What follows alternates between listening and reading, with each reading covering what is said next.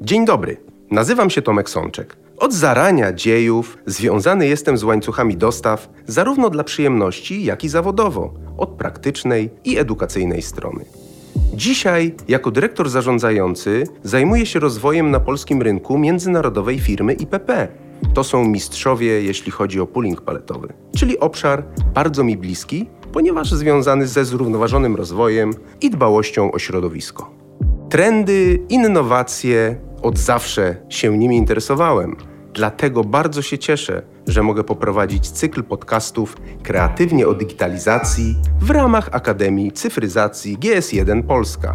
Digitalizacja, czyli krótko mówiąc, odzwierciedlenie operacji logistycznych w systemach informatycznych. Cykl ten powstaje we współpracy z Voice House, którego twórcą jest mój zacny kolega Jarosław Kuźniar.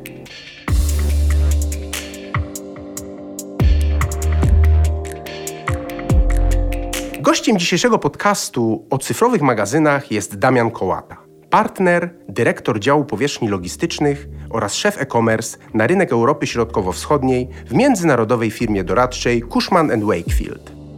Posiada ponad 15-letnie doświadczenie zawodowe w sferze logistyki oraz e-commerce.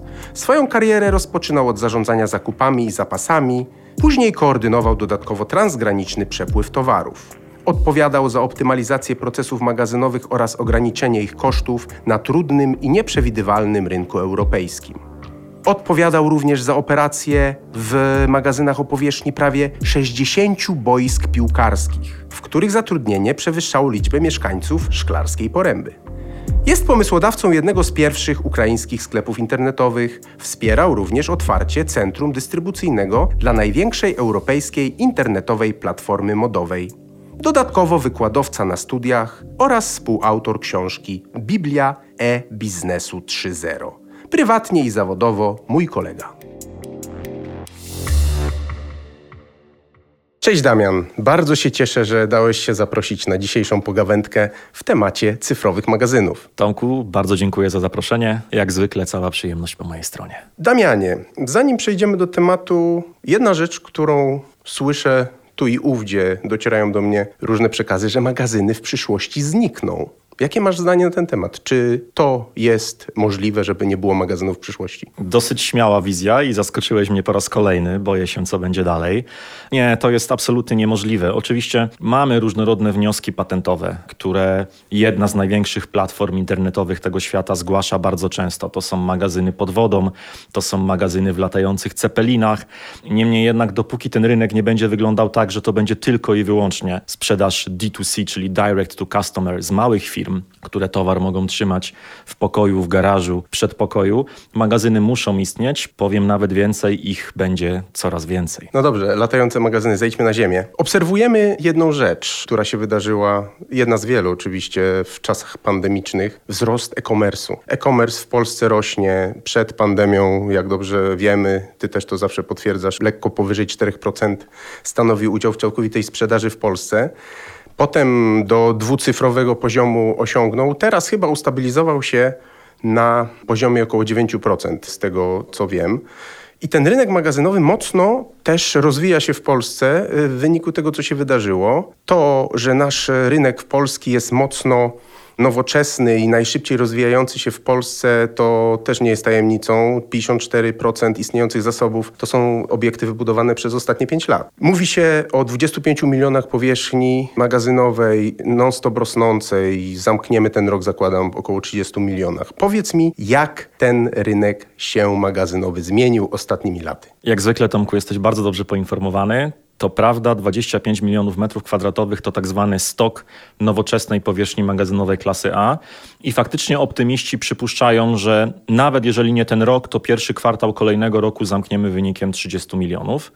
Mało tego, w ramach Cushman Wakefield mamy już dane po pierwszym kwartale tego roku i zostało dostarczonych na rynek 1 300 tysięcy metrów kwadratowych nowoczesnej powierzchni. Absolutnie rekord, jeśli chodzi o wynik kwartalny dotychczasowy w historii Polski. I pomimo tego, że pobiliśmy kolejny rekord, to poziom pustostanów wynosi około 3%, 3,2%. 0,2. Więc nie ma w tej chwili w Polsce wolnej powierzchni magazynowej. Jeżeli przyszedłbyś do mnie z zapotrzebowaniem na powierzchnię 5-10 tysięcy metrów, byłoby dosyć ciężko znaleźć ją od ręki, ponieważ oczywiście wzrost e-commerce'u, wszystko to, co dzieje się za naszą wschodnią granicą, ale także fakt, że jesteśmy, powiem teraz po staropolsku, under warehoused, powoduje, że jest dosyć ciężko z tym, żeby znaleźć tą powierzchnię na teraz, na miejsce i na pewno. Poza tym e-commerce. Wspomniałeś o około 9% udziału e-commerce'u w retailu. To są szacunki GUS-u. Ja uważam, że rzeczywistość jest trochę inna i jest to udział dwucyfrowy. Bardzo podobają mi się dane PMR-u, które mówią, że w końcu 2023 roku udział e-commerce'u w retailu wyniesie 20%. To przekłada się na magazyny dlatego że według różnorodnych ekspertów z grupy i obszaru logistyki z zarządzania łańcuchem dostaw, e-commerce wymaga trzykrotnie większej powierzchni magazynowej dla płynnej operacji, dla spokojnego przyjęcia put awayu, kompletacji, wysyłki towaru. No i oczywiście dla wszystkich usług kreujących wartość dodaną, tak zwanych VAS-ów, ale też dla operacji zwrotowej, bo musimy pamiętać, że około 30%, 35% oczywiście w zależności od branży w sprzedaży e-commerce'owej to są zwroty.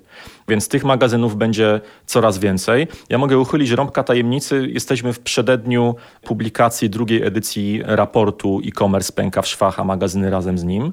I trzy lata temu, w pierwszej edycji, ustaliliśmy, że około 25% powierzchni istniejącej w Polsce jest w tej chwili dedykowanych do operacji e-commerce'owych. Teraz wolumen metrów kwadratowych operacji wzrósł w ciągu trzech lat o 86%. Więc widzimy, że rośnie e-commerce, rosną powierzchnie magazynowe dedykowane tej operacji, ale też coraz więcej firm nieistniejących nawet handlowo i organizacyjnie czy też operacyjnie w Polsce decyduje się na wejście do naszego kraju z kilku powodów. Nadal dosyć atrakcyjnych kosztów najmu magazynu, nadal bardzo atrakcyjnych kosztów pracy i last but not least wydajności polskich pracowników magazynowych. Jestem więc optymistą. Jesteś optymistą, ale jak wiemy, magazyn to nie tylko e-commerce. E-commerce to jest jedna strona medalu. Ja tak parafrazując popularną książkę, tudzież film 50 twarzy magazynu, co się dzieje tak naprawdę w obszarze magazynowania? Kiedyś dla nas, logistyków, Magazyn to były cztery ściany, w środku wózek widłowy, regały. Dzisiaj jednak ten magazyn się przeobraża. 50 twarzy magazynu. Jakie to twarze, Damianie? Absolutnie tak. Nie myślałem, że trafiłem na fana tego typu filmów, ale bardzo mi miło. Nie powiedziałem, że jestem fanem. Tomku, wracając do Twojego pytania, absolutnie. Z zewnątrz to tylko cztery ściany, sufit, posadzka, natomiast w środku te operacje są coraz bardziej różnorodne i coraz bardziej wymagające. Kiedyś, tak jak wspomniałeś, wózek widłowy, paleta. Mówi się o takiej logistyce, troszkę ją jednak deprecjonując. Paleta weszła, paleta wyszła, tak? Bo wtedy tak naprawdę operowaliśmy tylko i wyłącznie paletami. Wszystko to, co, no i znowu muszę sięgnąć do e-commerce'u, wiąże się z wejściem handlu elektronicznego na rynek logistyki, spowodowało, że z poziomu palety przechodziliśmy stopniowo do poziomu kartonu i teraz do poziomu sztuki. Wiadomo więc, że dosyć ciężko byłoby zorganizować operację magazynową dla e-commerce'u z regałami paletowymi. Dlatego może, żeby też y, nie mówić tylko i wyłącznie o e-commerce, powiem o omnichannelu, czyli o tym zjawisku krzyżowania się kanałów logistycznych, dystrybucji, zakupu, sprzedaży i zwrotu w każdym czasie i w każdym miejscu. Taki magazyn omnichannelowy nadal powinien mieć regały paletowe. Oczywiście coraz bardziej nowocześniejsze, bardzo często automatyczne, ale mam nadzieję, że będziemy mieli okazję jeszcze o automatyce porozmawiać. Oprócz tego regały kartonowe, mogą to być regały metalowe bądź z papieru, w ramach których kompletujemy pojedyncze sztuki. Poza tym duża strefa zwrotu, czyli strefa, która wygląda z perspektywy tak jak delikatna produkcja, gdzie mamy jakiś przenośnik, gdzie mamy stół, gdzie stoją panie, bo panowie znają z reguły trzy kolory, a wiadomo, że panie znają ich znacznie więcej, więc te operacje zwrotowe są prowadzone głównie przez panie i tam odzież czy też inne asortymenty zwrócone są klasyfikowane, oceniane, weryfikowane. Poza tym bardzo duża strefa strefa usług kreujących wartość dodaną, czyli value added services.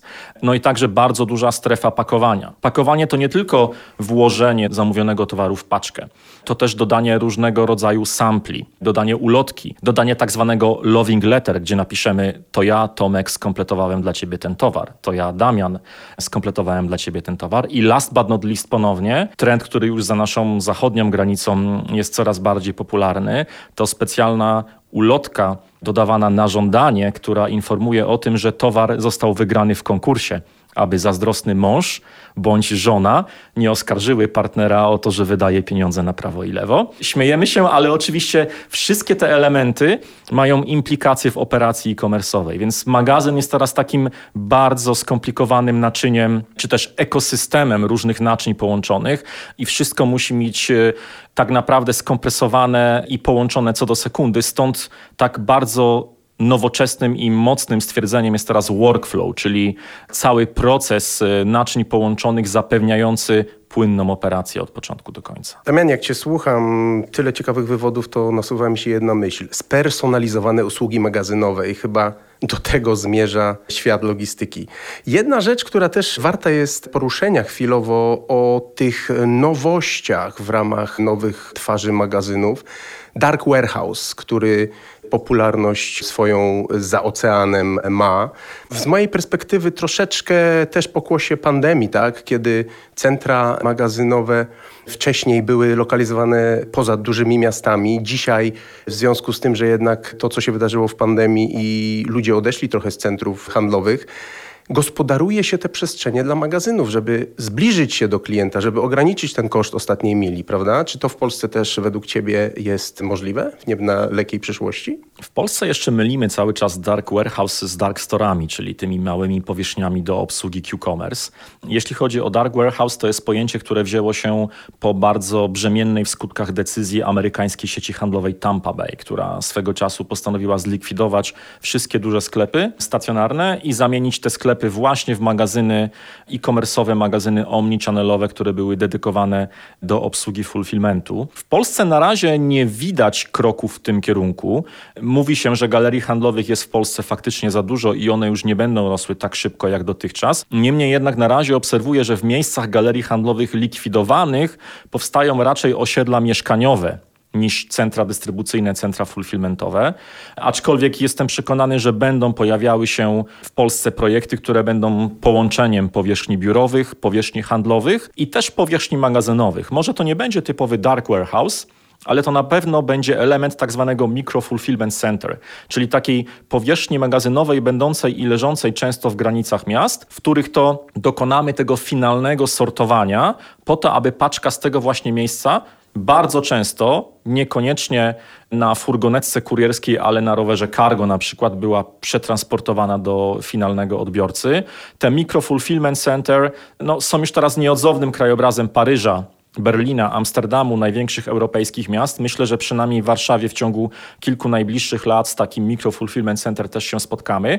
Tym bardziej, że wiele raportów podaje, że bliskość o jeden kilometr w stosunku do klienta końcowego pozwala firmom osiągać oszczędności nawet na poziomie miliona euro rocznie, właśnie wskutek tego, że gdy popatrzymy sobie na cały łańcuch dostaw i na wszelkie koszty, które możemy alokować w ramach łańcucha dostaw, to koszty ostatniej mili wynoszą ponad 50%. Pełna zgoda z tym, co mówisz. Dużo się dzieje. Magazyny się zmieniają, ale nieodzowna jest w tym procesie zmian cyfryzacja, prawda? Digitalizacja, Absolutnie. cyfryzacja, to co powiedziałeś. Wszyscy szukamy oszczędności. W procesie magazynowym jest wiele obszarów możliwych oszczędności.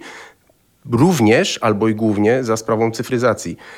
Ja patrzę na to, co się dzieje dziś i to, co się działo kiedyś. Automatyzacja przykładowo była antidotum na brak kadr. Tak? Nie mieliśmy e, chętnych do pracy w magazynach, trudno było ich pozyskać. Inwestowaliśmy w automatyzację.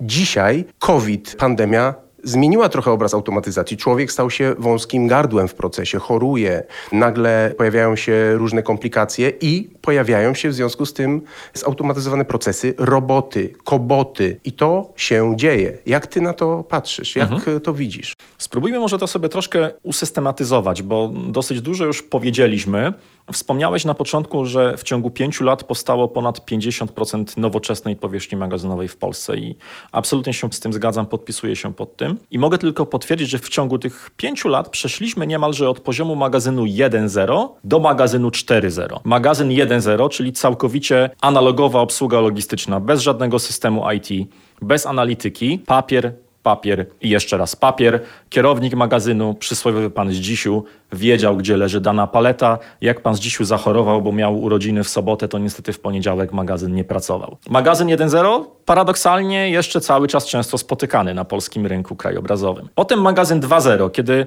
zobaczyliśmy, że jednak system pomoże nam odpowiednio zarządzać magazynem, być może bez analityki, bez jakiegoś analizowania, jaki asortyment jest tak zwanym slow moverem, jaki fast moverem, jaki obsolitem, czyli takim, który nie rotuje w ogóle, no i cały czas papier. Następnie przeszliśmy do magazynu 3.0, gdzie oprócz systemu pojawiła się już analityka, ale jednak mieliśmy papierowe awiza, papierowe dokumenty wydania, faktury dołączane do paczki. I dopiero magazyn 4.0 to jest magazyn odpowiadający nawet w pełni standardom GS1, czyli magazyn całkowicie nie tylko automatyczny, nie tylko z pełną analityką, ale także bez jakiegokolwiek skrawka papieru, gdzie wszystko mamy w systemie, gdzie mamy elektroniczne awiza, gdzie przyjmując towar wiemy tak naprawdę już po zeskanowaniu kodu na palecie czy na kartonie, co jest w środku, ile sztuk. Mało tego, ten skaner mówi nam do jakiej alejki i do jakiej półki mamy to odłożyć. Więc te magazyny były dosyć szybko rozwijane i przeobrażane w takie automatyczne centra. Dlaczego? Oczywiście mieliśmy ogromną presję na wzrost efektywności. Rośnie e-commerce, rośnie sprzedaż detaliczna, rosną oczekiwania klientów. W Polsce jesteśmy najbardziej niecierpliwymi klientami, jeśli chodzi o mieszkańców Europy. Jest taka ciekawa statystyka, która mówi, że w krajach skandynawskich towar w aparacie paczkowym spędza średnio kilka dni. W Polsce jest to 6-8 godzin, dlatego że my zamawiając chcemy dostać towar bardzo, bardzo szybko. Więc ta presja rynku, presja na wzrost efektywności powodowała, że musiały się też zmieniać operacje operacje magazynowe, no i musiała być wdrożona automatyka. Poza tym ambicje i kompetencje pracowników magazynowych, no bo musimy powiedzieć, że blue collarzy, czyli pracownicy magazynowi, bardzo szybko rozwijają się w white collarów, w area managerów, operations managerów. To są tak naprawdę dyrektorzy logistyki, którzy zarządzają bardzo dużymi działami na żywych organizmach, organizmach, gdzie pracuje 100, 200, 300, 400 osób, więc to też powodowało, że koboty, czyli takie roboty uczące się pracy z ludźmi musiały zostać wdrożone. No nie sposób też nie wspomnieć o strukturze demograficznej, o starzejącym się społeczeństwie, no i o kosztach pracy. Wspomniałem, że w Polsce te koszty pracy cały czas są bardzo atrakcyjne. Bardzo ciekawe badanie PWC pokazuje, że w 2040 roku, czyli po tych dwóch dekadach, wynagrodzenie pracownika magazynowego w Polsce wciąż będzie wynosiło jedynie 70% wynagrodzenia pracownika w Wielkiej Brytanii. 70%, duża liczba, ale dopiero za 20 lat. Zobaczmy więc, że cały czas w Polsce jesteśmy pod tym względem rynkiem atrakcyjnym. No i w końcu sytuacja gospodarcza i polityczna, czyli różnorodne granty, dofinansowania, powodują, że coraz chętniej inwestujemy w automatykę. Nie tylko ogólnie automatykę magazynową, czyli sortery, przenośniki, bo tutaj mowa jest o tym, że w tej chwili cały globalny rynek robotów to 6 miliardów dolarów w 2021 roku, w 2028 to będzie 18 miliardów dolarów, ale gdy zejdziemy trochę niżej do poziomu tylko i wyłącznie robotów kompletujących, czyli tych robotów, których zadaniem jest pobranie towaru z półki i odwiezienie ich do e, pewnej strefy pakowania. W 2019 roku to było jedynie 95 milionów dolarów. Wyobraź sobie, Tomku, że w 2025 to będzie prawie 2 miliardy dolarów, więc skok olbrzymi i mało tego, rynek robotów goods to person. To są takie roboty, które na pewno widziałeś i nasi słuchacze też widzieli na filmach pokazujących automatyczne centra dystrybucyjne. To są roboty, których zadaniem jest przywiezienie regału z towarami do pikera, z których to piker pobierze od odpowiednią ilość towarów. Ten rynek robotów G2P, czyli Goods to Person, urośnie czterokrotnie w ciągu najbliższych trzech lat. Ale Damian, to jest logiczne. Wszyscy szukamy optymalizacji oszczędności i wiemy dobrze, że człowiek w magazynie nie powinien chodzić, prawda? Mhm. Że efektywność w procesie magazynowym to towar do człowieka, a nie człowiek do towaru. I, I ja się nie dziwię tym danym, które tutaj prezentujesz, że to w tym kierunku zmierza. I chyba słusznie. Jedna rzecz jeszcze, która się nasuwa, jak e, rozmawiamy, mówimy o robotach i kobotach. Mhm. Zauważam, że w Polsce bardzo często myli się to pojęcie. Czas może troszeczkę rozjaśnić. Kobot to jest collaborative robot, czyli robot, który współpracuje z człowiekiem, a robot to nie jest urządzenie, tak się wyrażę, współpracujące z człowiekiem, z reguły zamknięte w klatce. Co jest ciekawe, ja też śledzę ten rynek kobotów i robotów, bo on rośnie, jak zauważyłeś, i ciekawe dane widnieją tu i ówdzie. Ludzie bardzo doceniają pracę z kobotami, traktują to jako dodatkową wartość. Po prostu większa motywacja człowieka do pracy z kobotem. To jest też taka ciekawostka. W Stanach, o których już wcześniej mówiliśmy, pojawiają się nowe zawody. Dyrektor personalny do spraw robotów i kobotów. Jak to brzmi trochę dziwnie, personalny, ale są to osoby, które zajmują się zatrudnianiem i wynajmem robotów lub kobotów. I to też pokazuje, że tworzą się nowe miejsca pracy. Absolutnie zaprzeczeniem tezy, że roboty i koboty zabiorą nam pracę, tak? Tego się raczej nie powinniśmy obawiać. Nie, absolutnie tego się nie powinniśmy obawiać. Tym bardziej, że dzisiaj, pamiętasz, wspomnieliśmy o tym, że udział e-commerce'u w retailu to jest jakieś 9%. Być może w końcu przyszłego roku to będzie 20%, ale w Chinach to jest teraz 65%. W Stanach Zjednoczonych 20%, średnia europejska to 25%, Wielka Brytania 35%. Znowu wracając do tego, co powiedzieliśmy sobie, że e-commerce wymaga trzykrotnie większej powierzchni magazynowej, magazynów będzie coraz więcej, one będą coraz bardziej cyfrowe, one będą naszpikowane. One muszą być cyfrowe. technologiami. Nie ma wyjścia. One Nie ma muszą. wyjścia. Podałeś przykład Kobota. Ja w swojej praktyce miałem przyjemność wdrażać jedną z operacji właśnie z Kobotem, czyli z takim robotem kompletującym kartony obuwia. Niemniej jednak cały czas w Polsce chyba jeszcze regulacje prawne są na tyle liberalne w stosunku do pracy ludzkiej, że te koboty nie zawsze będą w stanie zrekompensować pracę ludzi. Natomiast za naszą zachodnią granicą koboty są używane absolutnie w weekend w magazynach, w których ludzie pracować nie mogą, do kompletacji towarów, do kompletacji zamówień, które są składane przez klientów w sobotę i niedzielę. No i gdy Stefan w Niemczech przychodzi w poniedziałek rano na pierwszą zmianę o 6, on w strefie pakowania znajduje już wszystkie skompletowane zamówienia, które musi tylko zapakować, dodać tak zwany love letter, czyli ulotkę, że to kobot skompletował ten towar, zapakować i wysłać. Oczywiście, że koboty w danej chwili nie są tak wydajne jak ludzie. Oczywiście, że one kosztują ogromne pieniądze, ale gdy popatrzymy sobie trochę szerzej i wyżej na to, jak niecierpliwi są klienci, na to, ile będzie kosztował człowiek i na to, że ludzi nie będzie, bo społeczeństwo się starzeje, cyfrowy magazyn naszpikowany kobotami, to jest nieodzowna przyszłość. To jest nieodzowna i też musimy sobie powiedzieć wprost. Te nudne, powtarzające czynności, to chyba warto oddać kobotom i robotom, a człowiek powinien skupić się na bardziej na czynnościach o wartości dodanej, o podejmowaniu decyzji, prawda? Umiejscowieniu w tym procesie, w takim bardziej prestiżowym miejscu, że to tak powiem, nie, niepowtarzalnym. I to, co powiedziałeś, w tym kierunku to idzie i nie powinniśmy się obawiać o pracę i powinniśmy się nauczyć żyć z kobotami i robotami. Absolutnie Tak, tak. bym to widział. Mówimy o cyfryzacji, mówimy o magazynach. Ciężko byłoby nie poruszyć tematu zielonego magazynu. Czy dla ciebie zielony magazyn może być cyfrowy? Bo dla mnie tak. Myślę, że on musi być cyfrowy, dlatego że zielony magazyn, czyli magazyn ekologiczny, to znowu magazyn, który jest sterowany przez różnorodne systemy, systemy uczące się, systemy sztucznej inteligencji, magazyn, który oszczędza dla nas pieniądze. Najbardziej prozaiczny przykład to system DALI, system, który współpracuje tak naprawdę z oświetleniem LED i powoduje ściemnianie bądź rozjaśnianie światła w zależności od pory dnia i nocy, bądź też w zależności od tego, czy dana strefa magazynowa jest używana częściej lub nie. Ale zielony magazyn to też magazyn z systemem BMS, który tak naprawdę sprawdza, czy drzwi są otwarte, czy temperatura w serwerowni jest właściwa, czy mamy jakiś wyciek wody. To też system, który weryfikuje nam tak naprawdę ilość energii wytworzonej przez panele fotowoltaiczne na dachu. Więc zielony i cyfrowy to już jest chyba pojęcie coraz bardziej jednoznaczne. I słusznie, ponieważ, tak jak powtarzaliśmy, bez cyfryzacji jednak pewne osiągnięcia i możliwości rozwoju są trudne do osiągnięcia. Powiedz mi z Twojej perspektywy, jak rozmawiam z wieloma klientami szukającymi powierzchni, oni coraz bardziej doceniają i poszukują tych zielonych rozwiązań.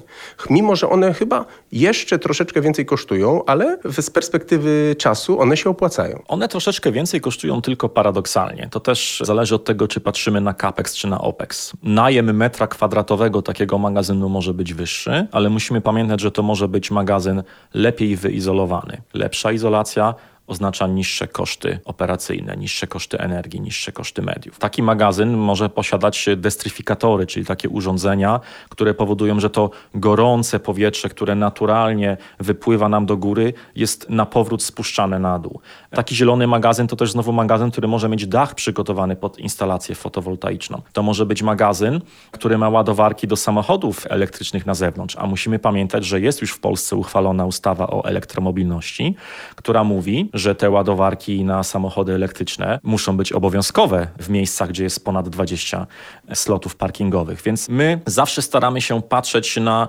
koszt używania tego magazynu na przestrzeni kilku lat. Tak jak wspomniałem, najem może być wyższy, ale wszystko to, co wiąże się z przewagą konkurencyjną takiego magazynu, absolutnie przynosi nam oszczędności nie powinniśmy zapominać o tym, jak w tym magazynie czuje się człowiek, bo zielony magazyn, nowoczesny magazyn to miejsce dobrobytu dla pracownika, to miejsce z dobrą strefą odpoczynku, to miejsce z komfortową szatnią, fajną kantyną.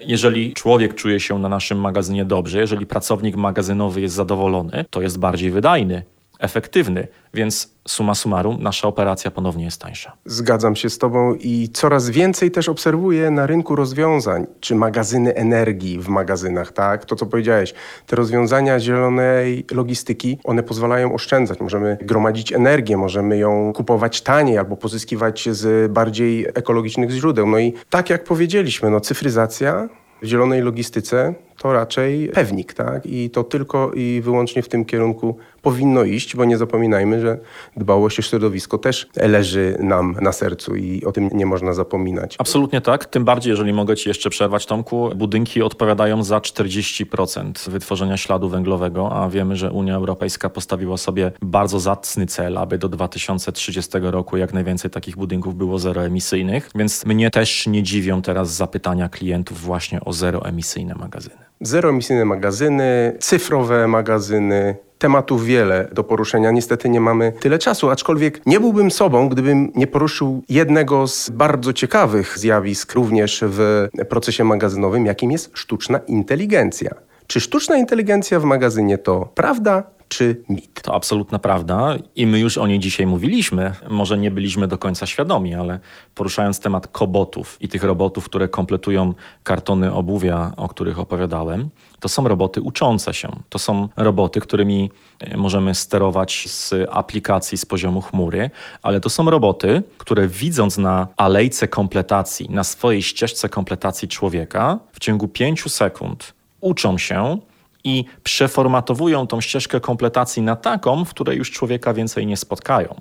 Mało tego, ten robot tą bazę danych zachowuje u siebie, więc on z każdą kolejną kompletacją jest bardziej świadomy tego, w którym kierunku daną alejkę czy też daną lokalizację magazynową osiągnąć. Więc sztuczna inteligencja jest czymś, co na magazynie już istnieje. Mało tego, ta sztuczna inteligencja będzie też y, bardzo mocno teraz potęgowana poprzez Digital Twin, być może w przyszłości też poprzez metaversy. Wiadomo, że Digital Twin rozpoczęło się, mówiąc paradoksalnie, z kosmosu, bo NASA musiała mieć odwzorowany każdy statek, który udawał się w kosmos. No, czasami największe magazyny też są odwzorowane co do każdego centymetra w systemach, po to, aby sprawdzić, czy dany sorter, który chcemy w magazynie umieścić, jest za mały, za duży, czy ta wydajność będzie ok, czy nie. Czy też z takich prozaicznych przyczyn sprawdzamy, czy regały, które chcemy zainstalować w magazynie, nie będą będą czasami zainstalowane bezpośrednio pod światłem, która to instalacja trochę nam ten magazyn zaciemni. Uważam więc, że coraz więcej magazynów to na początku będzie magazyn całkowicie wirtualny. Być może prawdą jest to, co mówiłeś, magazyny nie będą istnieć, no bo one faktycznie na początku będą istniały tylko na ekranie komputera, po to, żeby zobaczyć, czy w ogóle taki magazyn ma rację bytu. Wiemy, że Microsoft do swojego oprogramowania Flight Simulator stworzył półtora miliarda budynków oraz odwzorował 30 milionów kilometrów kwadratowych roślinności, po to, żeby piloci uczący się latać mieli przeczucie, że to jest absolutnie rzeczywisty świat. Nic nie stoi na przeszkodzie, żeby odwzorować 50 tysięcy metrów kwadratowych w aplikacji, po to, żeby Operations Manager z Site Managerem mogli zweryfikować, czy ten magazyn faktycznie będzie służył klientowi tak, jak mówi specyfikacja techniczna danego equipmentu, czy też nie. Więc uważam, że sztuczna inteligencja, tak zwane augmented reality i być może metaverse w przyszłości, to jest coś, co nas czeka. Tak, to co powiedziałeś, proces kompletacji zamówień, sławne okulary, prawda, rozszerzona rzeczywistość, drony, drony przecież to jest przykład, to już istnieje Tak. w rzeczywistości. Inwentaryzacje przeprowadzane przez drony to też maszyny samouczące się, tak? I to jest też wykorzystywanie sztucznej inteligencji dla dobra procesu magazynowego. Marek Jędra, mój przyjaciel, zawsze powtarza, bo sztuczna inteligencja to nie jest taka prosta rzecz. Mówi, na razie jest ok, ale dopóki sztuczna inteligencja nie opracuje własnej sztucznej inteligencji, to człowiek nie musi się niczego obawiać. I miejmy nadzieję, że tak będzie. Ja też mam ciekawy cytat, co prawda nie Marka Jędry. Drodzy słuchacze, nie byliśmy umówieni na ten scenariusz, natomiast ja zaczytuję się ostatnio w takiej książce Wiek kapitalizmu i inwigilacji pani Szoszany Zubow. Ona napisała, że kiedyś to my przeszukiwaliśmy Google, teraz Google przeszukuje nas. Kiedyś myśleliśmy, że usługi cyfrowe są bezpłatne, teraz to my się tacy stajemy, więc faktycznie coraz bardziej również magazyny nie stanowią dla nas żadnych tajemnic, bo na początku jest to magazyn wirtualny, cyfrowy. cyfrowy. Jeszcze jedna rzecz, która mi się nasunęła. Rozmawiamy już długo, niestety zaraz będziemy kończyć, ale analiza predykcyjna i tutaj też przyznasz mi zapewne rację, wykorzystywana sztuczna inteligencja dla optymalizacji procesu magazynowego. Ja to mówię logistyka prorocza, czyli my dzisiaj już poprzez sztuczną inteligencję przewidujemy, gdzie klient co zamówi i tam możemy przesunąć zapas, nawet skompletować wstępnie wysyłki, bo algorytmy mówią, kiedy kto to zamówi. Tak jest. Tak jest, to się dzieje. Mało tego, chyba najczęściej powtarzanym case'em kilka lat temu był case, kiedy to ojciec piętnastolatki dowiedział się, że jego córka spodziewa się dziecka, bo dostała od firmy próbki towarów. A dlaczego je dostała? Dlatego, że sprawdzała pewne strony internetowe i od tego tak naprawdę wszystko to się zaczęło. Faktycznie sztuczna inteligencja, analizy predykcyjne według największych optymistów mogą powodować, Tomku, że gdy lubimy dobre trunki i mniej więcej zamawialiśmy je z tygodniowym, dwutygodniowym cyklem, to w przyszłości nie będziemy musieli ich zamawiać. One same do nas dotrą, ponieważ y, nasze zamówienia będą na tyle jasne i oczywiste, że właśnie sztuczna inteligencja zamówi je za nas. Na razie wygląda to jak żart, może kiepski żart dla kogoś, kto chciałby zachować anonimowość, no ale znowu, kiedyś to my przeszukiwaliśmy Google, teraz Google przeszukuje nas. Z jednej strony fascynujące, z drugiej przerażające. Taka konkluzja z mojej strony. Damianie, kończy nam się czas. Ja Ci bardzo dziękuję. Na koniec chciałbym Cię poprosić o takie spuentowanie tego naszego podcastu związanego z cyfrowymi magazynami. To bardzo ciężkie zadanie. Przede wszystkim było mi bardzo miło porozmawiać z Tobą. Na pewno wiele tematów jest do poruszenia i na pewno przestrzeń oraz substancja magazynowa będzie zmieniać się tak szybko, że to, o czym mówimy dzisiaj, za 2-3 lata będzie mogło być przyjęte z przymrużeniem oka. Kończąc ten przydługi wywód, na pewno za lat kilka będzie magazynów w Polsce co najmniej dwa razy więcej. Na pewno za lat kilka będą one służyły całkowicie innym celom i na pewno będzie to miejsce absolutnie cyfrowe, miejsce, gdzie będą w perfekcyjnym miksie pracowali ludzie, roboty i będą to magazyny zielone, takie, które dają dobrostan. Dziękuję Ci bardzo. Ze swojej strony jeszcze podkreślę na koniec to, co powiedziałeś. Zielone magazyny, dbałość o środowisko. Nie zapominajmy w tej całej pogoni biznesowej o dbałości o środowisko, ponieważ my dbamy o środowisko nie dla nas, ale dla naszych dzieci. Absolutnie to jest tak. e, fakt. I na koniec jeszcze powiem to, co usłyszałem od mojej koleżanki Agnieszki Gajewskiej, partnerki w PWC. Każdy dolar wydatkowany na zrównoważony rozwój generuje dodatkowe 4 dolary korzyści dla gospodarki. I tym optymistycznym akcentem jeszcze raz bardzo Ci dziękuję za tą ciekawą rozmowę. Nie wyczerpaliśmy wszystkich tematów. Mam nadzieję, że będzie powtórka z rozrywki i jeszcze wiele tematów poruszymy. Bardzo dziękuję. Tematów nie wyczerpaliśmy. Mam nadzieję, że nie wyczerpaliśmy też naszych słuchaczy. Dziękuję za zaproszenie. Dziękujemy. Do usłyszenia. Do usłyszenia. Dziękujemy, że zostaliście z nami do końca. Nie zapomnijcie zasubskrybować i ocenić naszego podcastu. Do usłyszenia w następnym odcinku.